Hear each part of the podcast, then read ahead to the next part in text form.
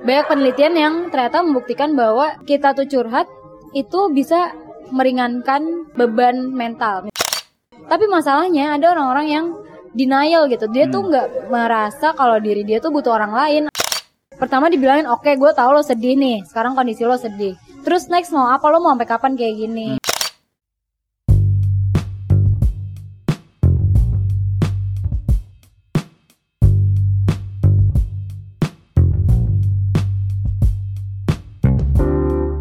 Uh, selamat datang di podcasting episode ke-23. Hai bagaimana kabar kalian? Semoga baik-baik saja seperti biasanya.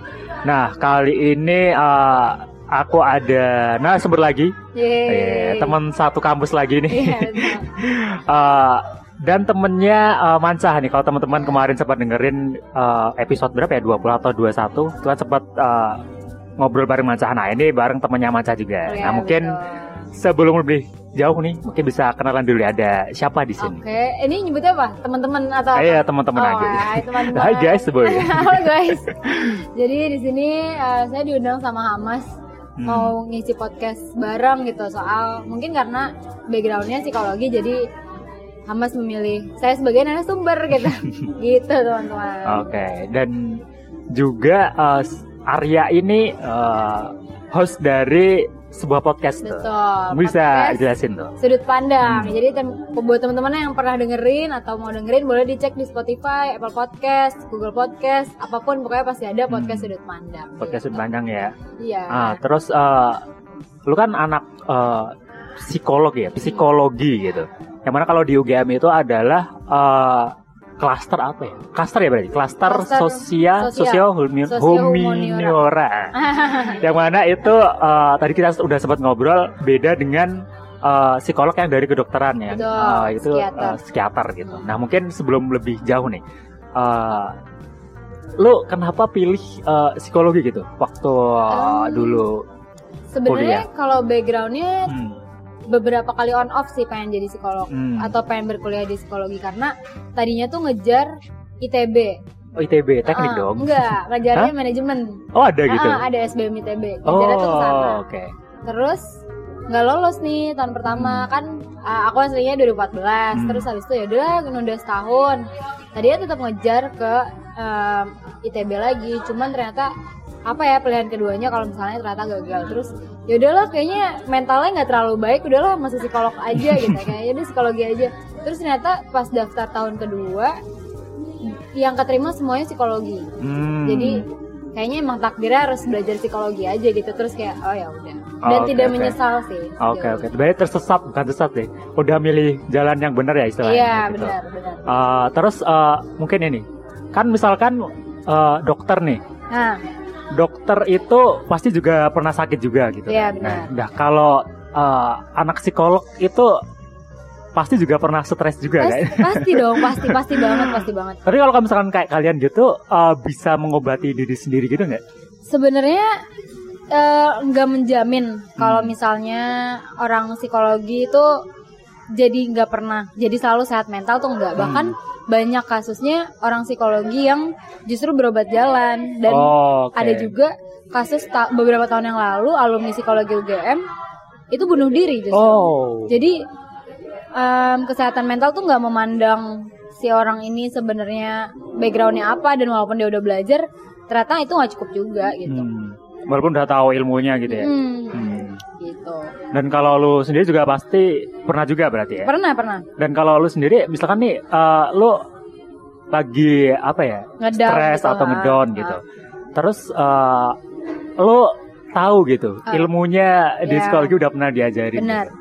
Nah, lu terus gimana tuh kalau misalkan lagi gitu? sebenarnya yang namanya ngedown tuh kan mentally breakdown yang udah kadang otaknya tuh jadi nggak bener gitu maksudnya Hmm. kalau misalnya ngedown kan pasti pikirannya ke mana-mana itu tuh Hmm. pasti cuman sebenarnya keuntungannya kalau buat diri gue sendiri tuh jadi tahu batasannya kayak oke berarti tahap ini tuh gue masih stabil misalnya atau Hmm. tahap ini ternyata gue udah butuh orang lain nih atau gue udah butuh ke psikolog misalnya Hmm. atau gue udah butuh nggak bisa nih gue berada di kamar terus gue butuh ruti- rutinity untuk olahraga atau segala macam Hmm. gitu sih jadi kayak ya tetap aja gitu pasti ada Hmm. Masa-masa di mana ilmu tuh tidak terlalu bisa membantu ya tetap aja gitu Hmm.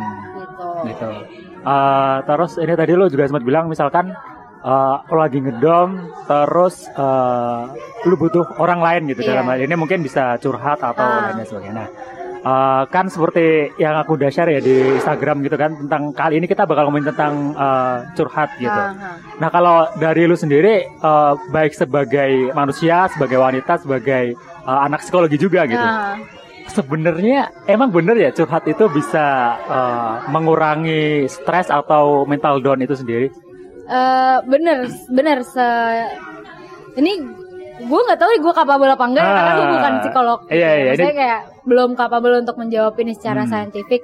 Cuma ini buat nge-trigger teman-teman aja mungkin bisa nyari secara evidence base-nya. Hmm. Cuman memang banyak penelitian yang ternyata membuktikan bahwa kita tuh curhat itu bisa meringankan em, beban mental. Misalnya lagi sedih itu tuh jadi merasa oh ternyata nggak sebegitunya atau merasa oh ternyata ada orang lain. Hmm. Terus em, sebenarnya fungsinya curhat itu kadang kan kalau kita lagi ngedown tuh kita nggak bisa mikir secara jernih Oh iya gitu benar. kan.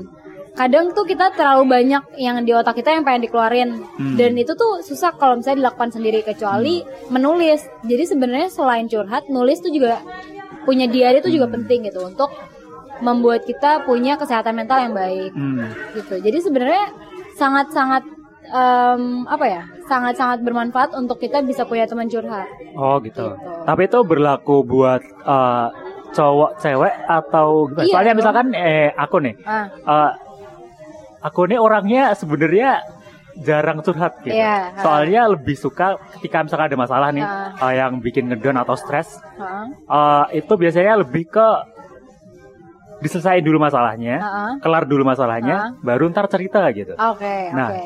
Ah, dan dari itu kadang suka mikir apakah ah, si curhat ini lebih condong ke perempuan aja atau Ah. sebenarnya gimana gitu? Enggak sih sebenarnya. Ah. Mungkin kalau Atau misalnya aku doang sebenarnya? bisa ya. Tapi mungkin kalau misalnya kasusnya Hamas mungkin Hmm. karena eh, pasti pasti sebelum itu cerita misalnya kayak ada atau mungkin belum bertemu saat-saat di mana menghadapi sendiri tuh nggak kuat gitu. Hmm. Bahkan kadang sebenarnya nggak mesti curhat yang berderai-derai air mata gitu Iya, tuh nggak iya, mesti iya. kayak gitu sebenarnya kayak misalnya ada problem terus kita tuh nanya sama orang yang udah berpengalaman itu kan sebenarnya bagian dari curhat itu Oh, iya, sendiri benar, gitu. benar. Jadi kayak misalnya stuck di A terus tanya orang yang udah pernah stuck di A. Nah, itu Hmm. juga sebenarnya yang bermanfaat. Tapi ada juga orang-orang yang memang em, apa ya? nggak terbiasa untuk ngomong sama orang lain. Nah, makanya tuh Hmm. nulis punya diary itu bisa jadi cara lain Hmm. gitu.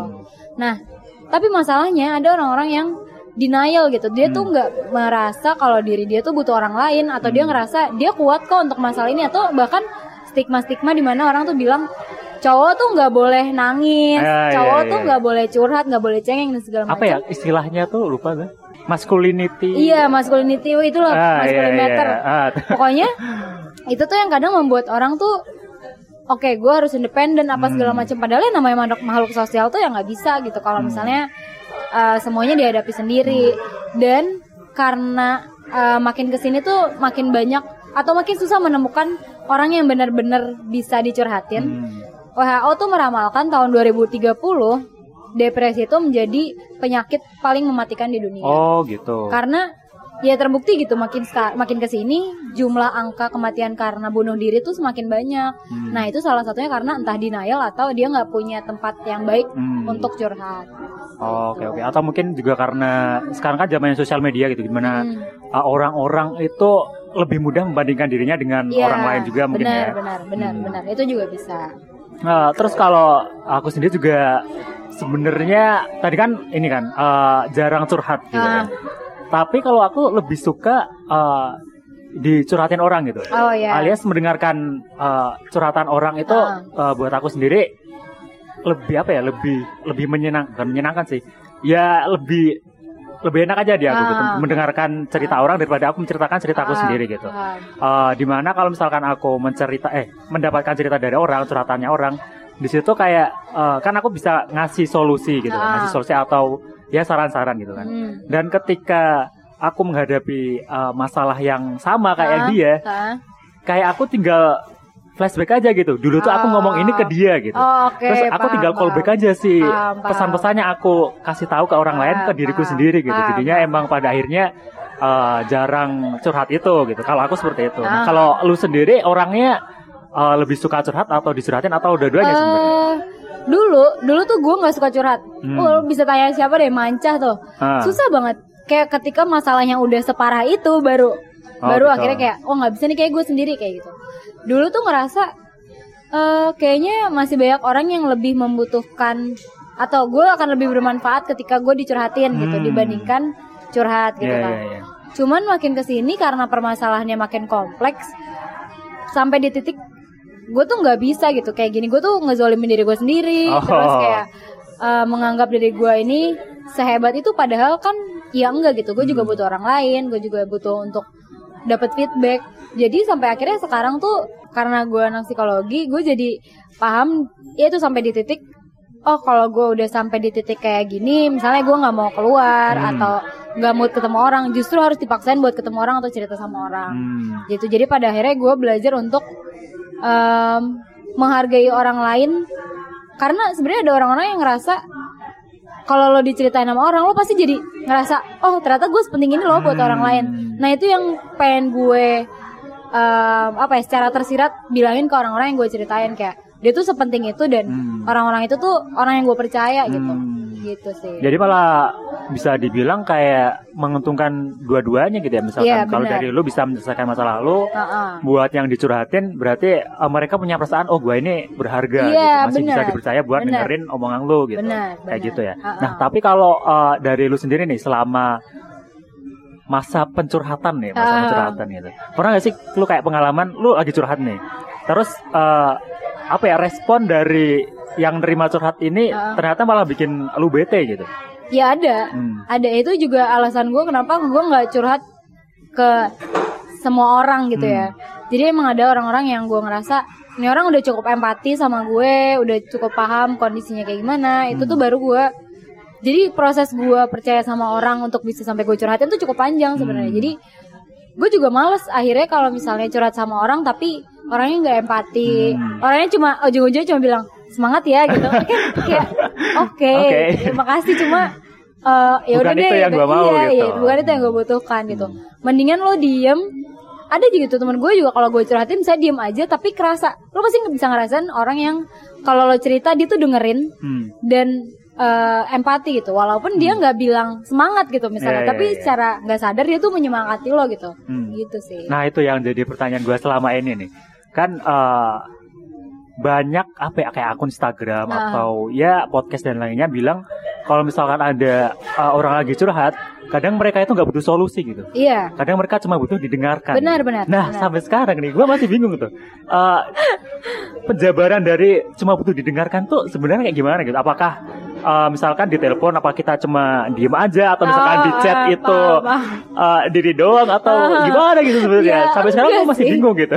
sebenarnya mungkin gini ya Penjabaran dari dengarkan tuh Em, seperti apa? jadi gini ada orang yang eh, mendengarkan itu untuk menjawab Hmm. Jadi misalnya eh, lo lagi cerita nih, Hmm. terus orang yang lo ceritain, oh gue juga pernah, terus akhirnya dia yang jadi cerita. Oh, itu kan jadi dia tidak mendengarkan eh, gitu pertama. Jadi emang kayak Kedua, berkompetisi gitu ya. Iya jadi kayak berkompetisi Ah. kayak enggak gue tuh lebih berat kok dari lo misalnya kayak gitu itu kan kayak bukan itu poinnya Ah. sebenarnya kan. Cuman ya emang ada orang yang kayak gitu.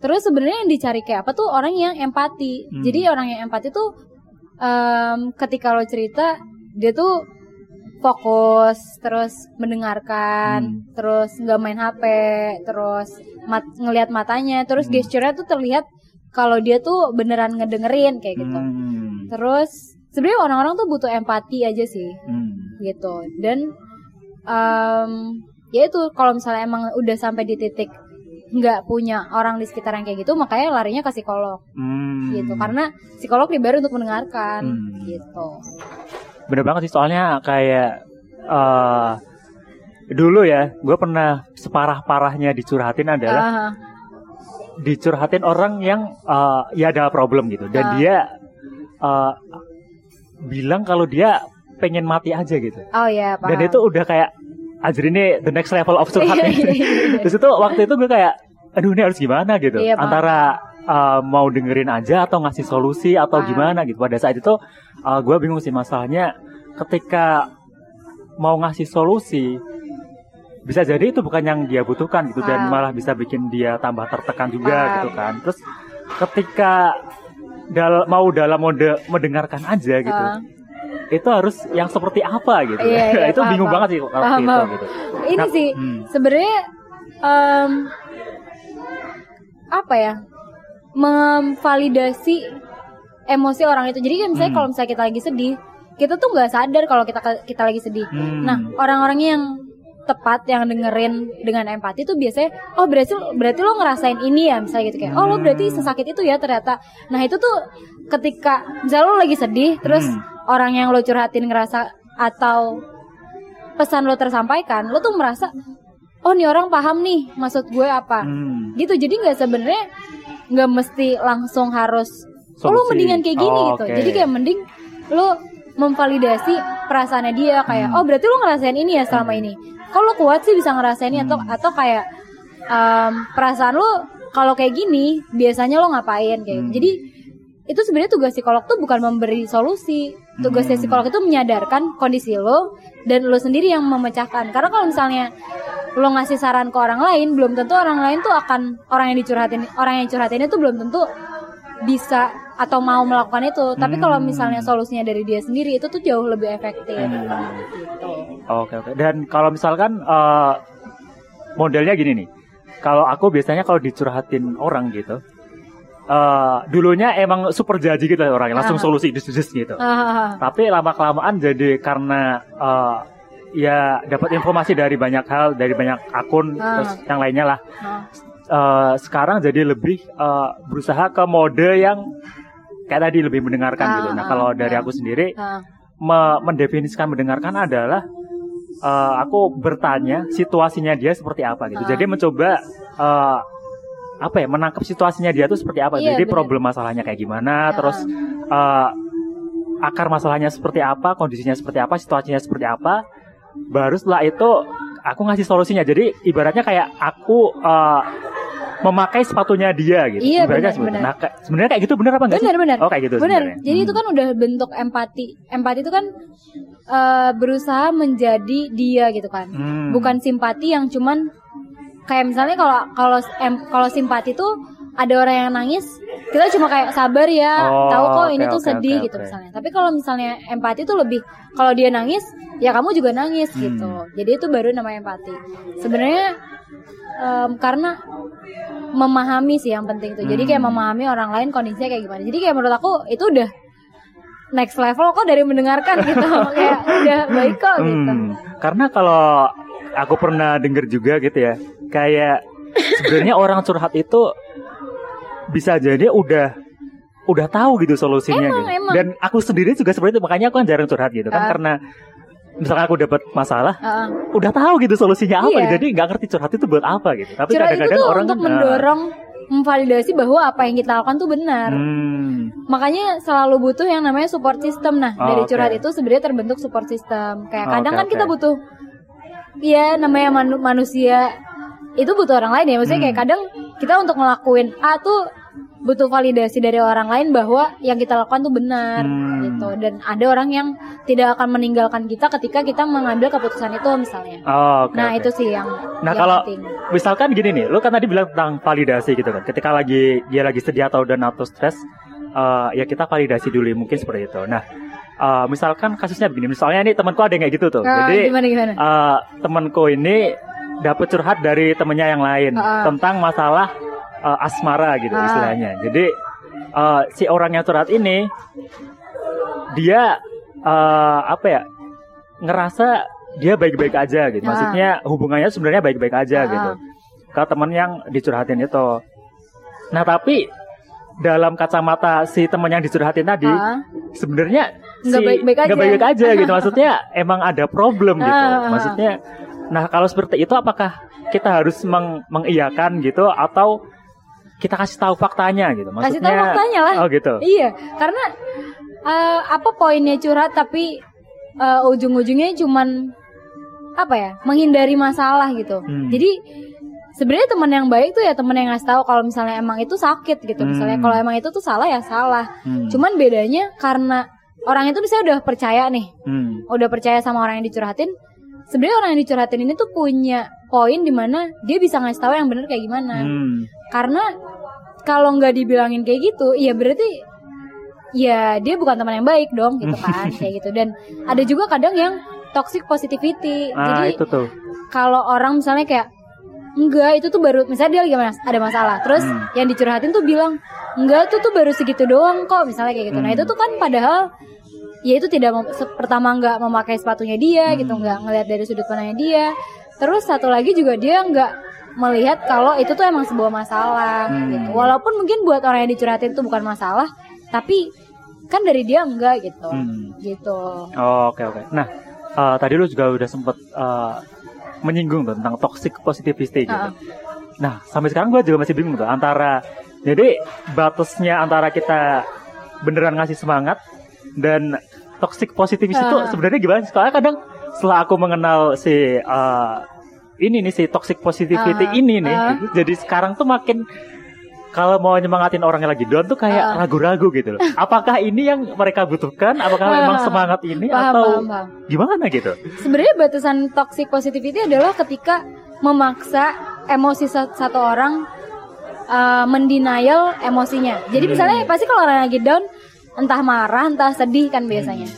Terus to- toxic positivity itu ketika orang yang dicurhatin bilang udah lu nggak usah marah misalnya gitu Hmm. atau udah lu nggak usah sedih gini doang sedih nah itu tuh Oh, toxic ada kata gini-gini doang gitu ya. iya itu doang Hmm. Da- ada ada kata ada kata-kata itu dan eh mendinai emosinya yang Hmm. sebenarnya itu kalau mau kayak gitu ya pertama dibilangin oke gue tahu lo sedih nih sekarang kondisi lo sedih terus next mau apa lo mau sampai kapan kayak gini Hmm. nah itu baru selanjutnya kayak gimana jadi harus divalidasi lagi emosinya tuh dia sebenarnya apa gitu Hmm. dan kadang orang yang ngedown tuh bahkan dia nggak tahu emosinya apa Oh, ada oke. kecewa ada sedih ada marah misalnya gitu nah itu tuh dengan kita membantu memilah emosinya dia tuh udah cukup membantu dia untuk mengenali dirinya sendiri Hmm. gitu Jadi emang emang paling awal emang harus uh, kita tahu dulu kondisinya Hmm, seperti apa gitu dan bener. uh, biarin si orang yang curhat ini merasakan perasaannya dulu gitu ya. Iya. Jangan langsung dipukul dengan Ah, bener, bener. semangat. bener kalau misalnya udah semangat tuh kayak pasti yang dicurhatin juga kayak Eh, ya dalam kondisi gue kayak gini gue nggak bisa semangat gitu Hmm. kan harus ada sebelum ke sana ada step-stepnya nah kita tuh bantu di step-stepnya ini Hmm. sebenarnya gitu hmm, Oke oke. Ah uh, terus kalau tadi ya bicara tentang yang tadi kan aku cerita tentang orang yang mau bunuh diri tadi itu yang temanku itu. Uh, nah di situ aku juga menemukan ini sih apa ya? Jadi dia itu curhat gitu kan. Uh, tapi dia kayak di akhir kata-katanya tuh ngeluarin uh, ya lu tuh nggak tahu perasaan gue itu gimana gitu.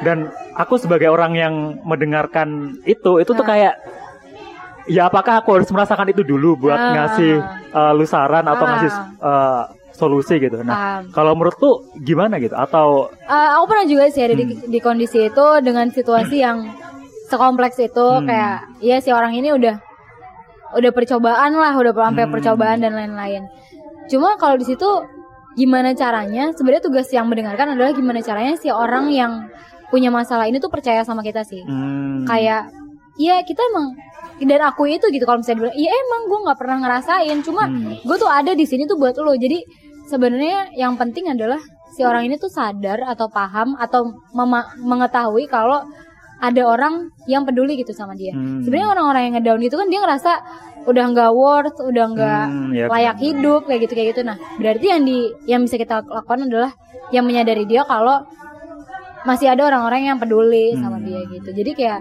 baru setelah dia paham udah nangis sudah apa udah keluar semua tuh emosinya baru nanti bisa denger Hmm. gitu Dan jangan ini ya.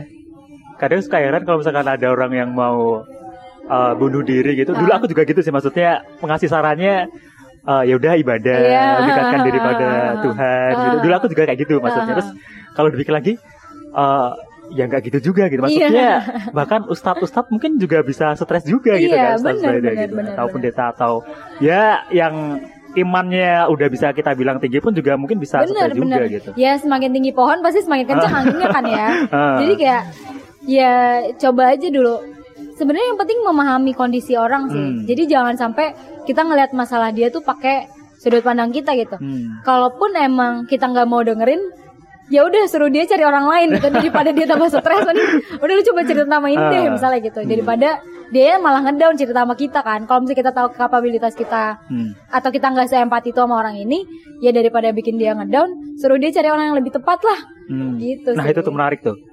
Eh, gimana sih? eh, aku jadi ngebayangin gimana caranya eh, lu mengoper nih, mengoper apa ya istilahnya ya? Ya mengoper lah ya, mengoper sih orang yang mau curhat ini dengan segala masalahnya ke eh, ke orang lain gitu. Karena Ah. lu udah ngerasa mungkin nggak kompeten atau Ah. mungkin kurang orang bukan orang yang tepat itu Ah. kalau dari lu gimana caranya? Kalau gue biasanya sebenarnya gue jarang sih kayak gitu. Jadi kalau misalnya gue tuh dari awal tuh udah tahu nih, oh ini orang misalnya cocok nih sama gue nih. Ah. Jadi kalau dia ada masalah pasti gue backing, maksudnya kayak oh gitu. pasti sampai dia kayak gimana pasti gue ada gitu. Tapi Hmm. ada orang-orang yang oh nggak cocok nih masalahnya, kayak kayaknya gue nggak nyambung nih kalau misalnya Ah.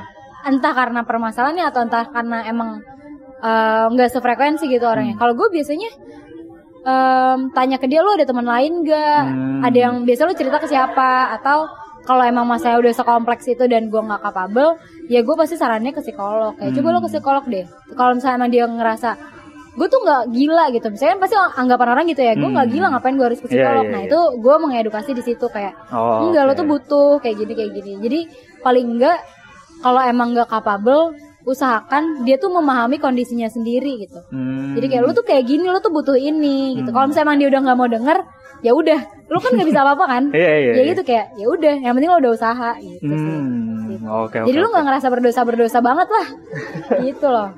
Nah itu itu yang aku alami waktu itu tadi yang bunuh diri itu. Soalnya Nah, wah ini udah udah nggak bisa nih Iya, kalau iya. aku yang atas ini takutnya Iya, iya. gimana gimana itu gitu. tuh ada beberapa orang juga cerita. Hmm. Terus ada juga aku juga pernah ngalamin di mana ya tiba-tiba dia nelpon, mbak aku pengen bunuh diri sekarang, gini gini gini gini gini. Terus gue kayak, lah kamu di mana di kosan Eh. gini gini gini. Udah nggak usah ke sini gini gini. Terus kayak, anjir gimana? Terus ada yang gue lakukan adalah waktu itu nelponin orang-orang yang em, waktu itu available buat ke kosan dia. Jadi kita Hmm. rame-rame ke sana. Tapi orangnya nggak ada. Hmm. Terus karena waktu itu panik, nelpon dosen. Hmm. Karena gua- untungnya gue psikologi, jadi gue nelpon dosen. Bu, teman saya dia mau bunuh diri nih, bu saya harus gimana? Terus dosen gue bilang, ya udah kamu tenang, pokoknya jangan ditinggal sendiri. Hmm. Mau pokoknya harus ditemenin sampai besok. Besok baru dibawa ke UKP gitu, Hmm. bawa ke unit konsultasi psikologi. Jadi kalau misalnya emang udah sampai tahap di sana, ya emang udah butuh profesional Hmm. gitu. Gitu sih. Berarti emang eh, misalkan teman-teman yang lagi dengerin nih, eh, misalkan ada temennya mau bunuh diri juga, Ah, yang paling penting itu jangan ditinggalin. jangan ya. ditinggalin. Walaupun Jangan nggak mau denger, tapi Ah, jangan ditinggalin. Jangan gitu. ditinggalin karena orang-orang kayak gitu butuh pengalihan. Hmm. Paling enggak kalau emang masalahnya belum bisa selesai, paling enggak otaknya bener dulu deh buat Hmm. sesaat. Jadi dia enggak tiba-tiba loncat dari Hmm. pintu mana gitu atau tiba-tiba minum baygon apa apa itu kan ya kalau dia ada orang paling enggak kalau dia kakak minum bisa kita ambil gitu baygonnya Iya, iya, kan. iya. Tapi Terus kalau sendiri minum, waduh. iya enggak juga sih. gitu. Jadi yang penting ditemenin Hmm. gitu. Ah, terus ini kan tadi udah kita udah panjang lebar tentang masalah si curhat-curhat ini. Nah, kalau menurut lo eh, apa sih hal-hal yang benar-benar harus dihindari ketika, ketika kita eh, lagi ngedengerin curhat dari orang Ah. lain gitu? Menurut lo apa aja? Gitu? Yang harus dihindarin Hmm, megang handphone. Enggak ya? Enggak benar maksudnya Ah. kayak kalau lagi ada orang yang kelihatan emang dia pengen curhat, Hmm. uh, Kalau usahain. curhatnya lewat chatting gimana dong? Kalau ya, ya itu ya dipegang dong namanya kalau gitu. Kalau langsung ya, Oh, kalau oke, langsung oke. usahain jangan pegang handphone. Terus usahain uh, pikirannya jadi here and now. Coba Hmm, here and mindful now, gitu mindful gitu kayak iya lu ada di sana untuk mendengarkan dia gitu. Hmm. Jangan sampai lu di sini ngelihat dia tapi otak lu tuh ke mana-mana Hmm. gitu. Nah itu karena karena lu nggak akan paham gitu jadinya. Itu sih. Terus em, kalau bisa di follow up. Jadi setelah misalnya habis ketemu pulang beberapa hari kemudian atau beberapa minggu kemudian tuh ditanya gimana lo sekarang. Karena itu akan membantu dia banget buat menyadari kalau oh ternyata nih orang beneran dengerin gue waktu itu Hmm. gitu.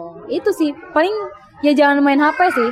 Hmm. Jangan main HP sama em, kalau bisa ngelihat matanya Oh gitu. gitu. Kalau aku tambahin mungkin ini. jangan kalau cewek cowok gitu ya Ah. jangan baper Iya. Iya iya iya iya iya. Bener sih bener sih. soalnya kadang gitu kan jadi awalnya Pengalaman nih kayaknya Bapak Ah, Hamas nih. Iya, bukan seperti itu. Oh.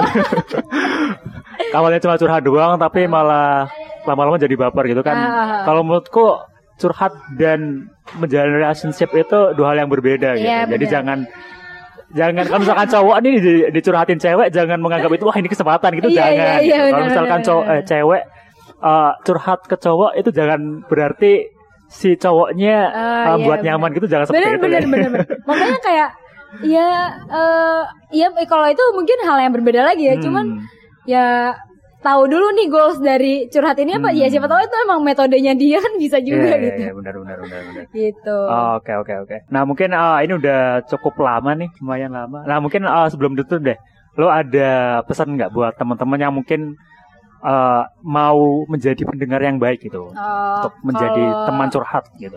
Kalau dari gue mungkin buat orang buat orang teman-teman yang pengen atau berusaha menjadi Hmm. pendengar yang baik, pertama jangan uh, pakai kacamata lo buat dengerin omongan atau Hmm. curhatan orang lain.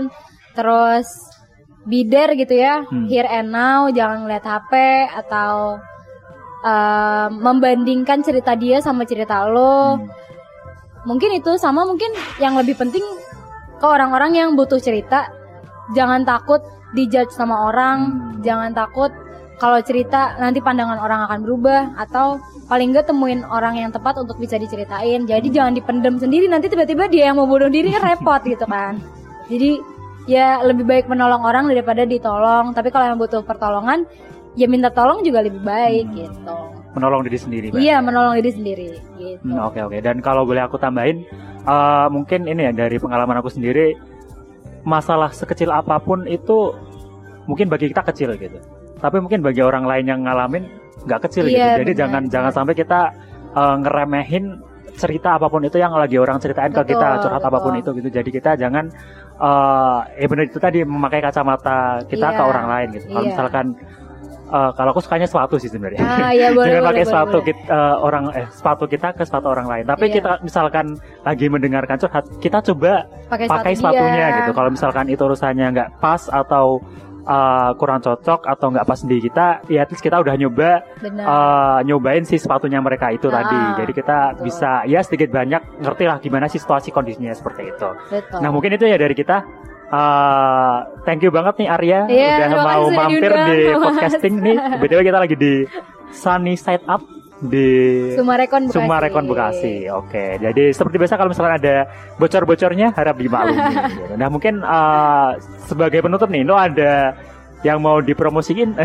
Iya mungkin teman-teman Ah. yang berusaha untuk melihat sudut pandang orang lain bisa lihat bisa dengerin podcast gue Hmm. di podcast sudut pandang di Spotify di Google Podcast atau di Apple Podcast ya kalau nggak mau dengerin juga nggak apa-apa sih Hmm. Dan ada satu lagi podcastnya yang Oh iya bener Nah. Ada satu lagi podcast gue yang baru sama Mancah namanya Halfway Home Itu udah ada di Google Podcast, Spotify, Apple Podcast Itu eh, boleh banget didengerin buat kalian semua yang berada di perjalanan untuk mencapai suatu hal Hmm, gitu. Tadi gue la- lagi ke sini Dengerin. juga dengerin itu sih. Iya, bagus, bagus, bagus, bagus.